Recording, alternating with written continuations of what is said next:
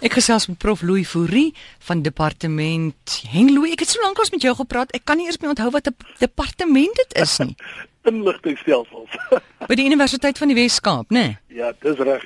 Goed. Nou, Louis, meeste van ons het 'n testament wat bepaal wat met ons fisiese besittings, geld en kinders gaan gebeur na ons dood. Maar wat word van ons digitale lewe as ons tot sterwe kom? Amore, dit is uh, 'n uh, baie baie belangrike ding wat jy vra want ek dink nie die meeste van ons is regtig voorberei uh vir die digitale lewe hierna nie of kom ek sê die digitale hiernamaals nie klink 'n bietjie vreemd. Ek dink nie so nie want kyk een van die probleme wat ontstaan en jy het vroeër ook daarna verwys is dat baie van baie van mense wat oorlede is vir ewig in die kuberruimte lewe. En dit kan goed wees of dit kan minder goed wees. Dit hang af uh, van die mense wat agtergelaat is. Daar's baie profile van mense wat oorlede is wat ek weet steeds aktief is op Facebook, op Google, op Skype. Uh ek het 'n baie dierbare vriend wat uh oorlede is en ek sien gereeld nog sy foto op Skype en LinkedIn. Nou ja, vir, soos ek soos jy tereg gesê het vroeër, dit kan baie aangenaam wees vir 'n mens want ek jy verlang. Vir ander mense kan dit baie ongemaklik wees en hulle voortdurend herinner.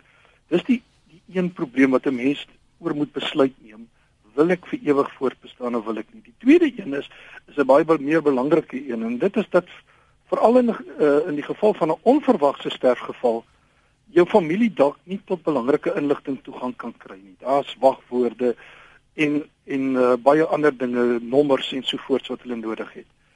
Een van die bekende verhale is natuurlik die van uh, wat die wêreld groot opspraak gemaak het, dis die van die Amerikaanse marinier Justin Ellsworth. Dit was vreeslik in die nuus.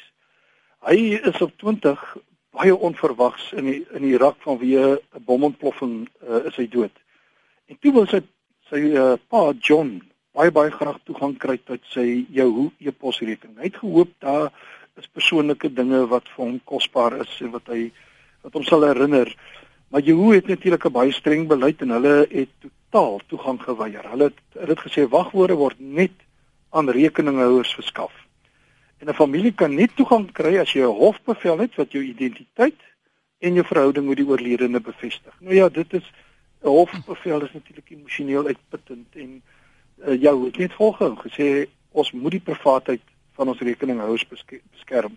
Nou op die ou op die ou end is John Ellsworth het hy hof toe gegaan, hy het 'n hofbevel gekry en Jehu het toe so 10000 bladsye se inhoud van sy seun se e-posrekening aan hom oorhandig.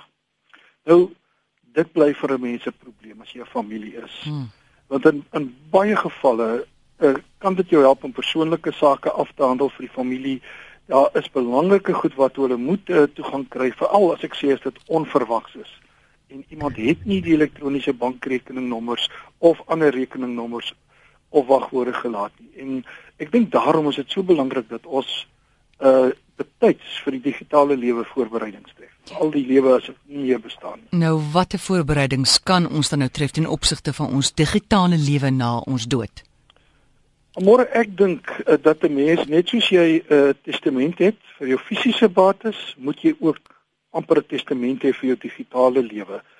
En en jy begin by die eenvoudige ding. Die eerste ding waarby jy begin is jou e-posrekening.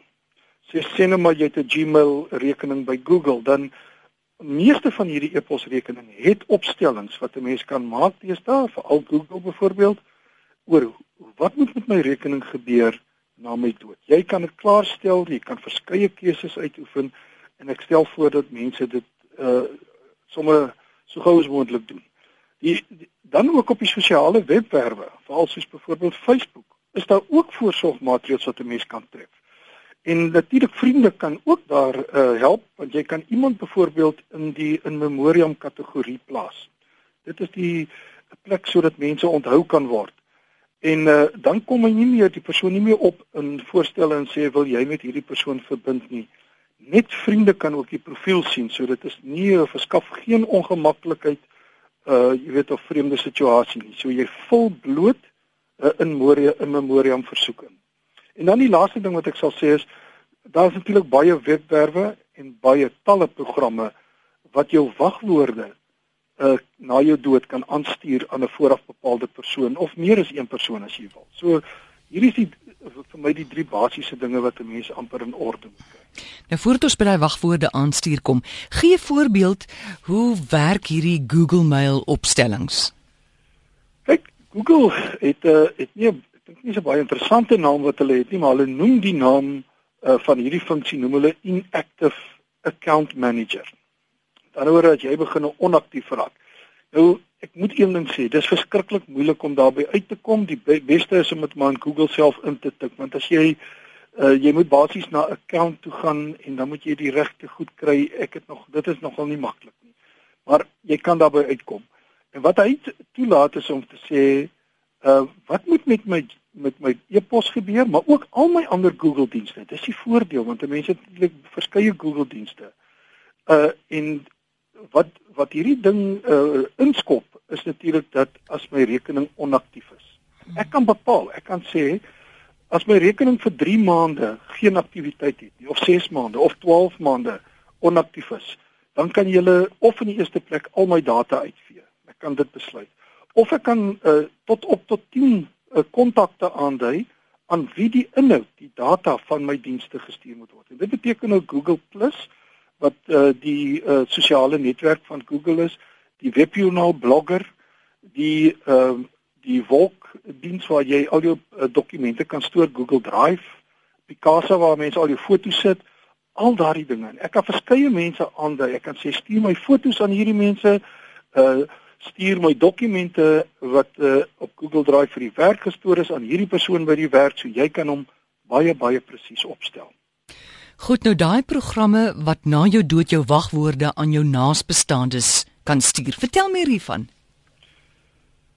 Dis 'n baie nuttige funksie. En jy weet, uh, net soos 'n mens uh se fisiese bates en jou eiendom en jou geld nogal van groot waarde mag wees vir jou erfgename en daarom maak 'n mens 'n testament. So wil ek sê, jy, jy weet, dit wat in my digitale uh, wêreld bestaan, kan net soveel van waarde wees. En en ek moet daarom besluite neem uh voor ek iets gebeur eendag in my lewe. Miskien wil ek hê byvoorbeeld my familie uh moet my webjoernaal verwyder of alternatiefelik sal ek graag wil hê my kinders moet daarmee voortgaan en voort bly skryf oor hierdie onderwerp indien hulle daartoe in staat is. Miskien wil ek hê my kind moet my kosbare Twitter naam uh, erf want ek het baie jaar lank terug geregistreer in die begin van Twitter en ek het 'n baie spesiale naam en ek wil hê my kind moet uh, dit kry. So daar's daar's baie dinge waaroor 'n mens moet besluit en daar is natuurlik 'n klomp hulpmiddels. Die eerste een is uh word genoem uh Jvont Vault. Dit is soos 'n kluis, so amper kan jy sê en is natuurlik by jvont.com uh, en dis 'n ding wat op jou rekenaar alleen gehuisves word. Dit is totaal veilig in in die opsig dat dit glad nie aan die internet gekoppel is nie. Jy kan alles dokumenteer, jou besittings, jou wagwoorde, jou bankrekening, al die nommers, jou kredietkaarte, jou lidmaatskap van alle ander goede. Ag en en ek kan 'n lang lys maak. Daar is verskeie funksies. En dan na jou dood kan jou familie dan toegang verkry deur 'n spesiale sekuriteitskode wat jy vir hulle gegee het. Al wat hulle moet kan toegang hê eers hê is natuurlik jou rekenaar.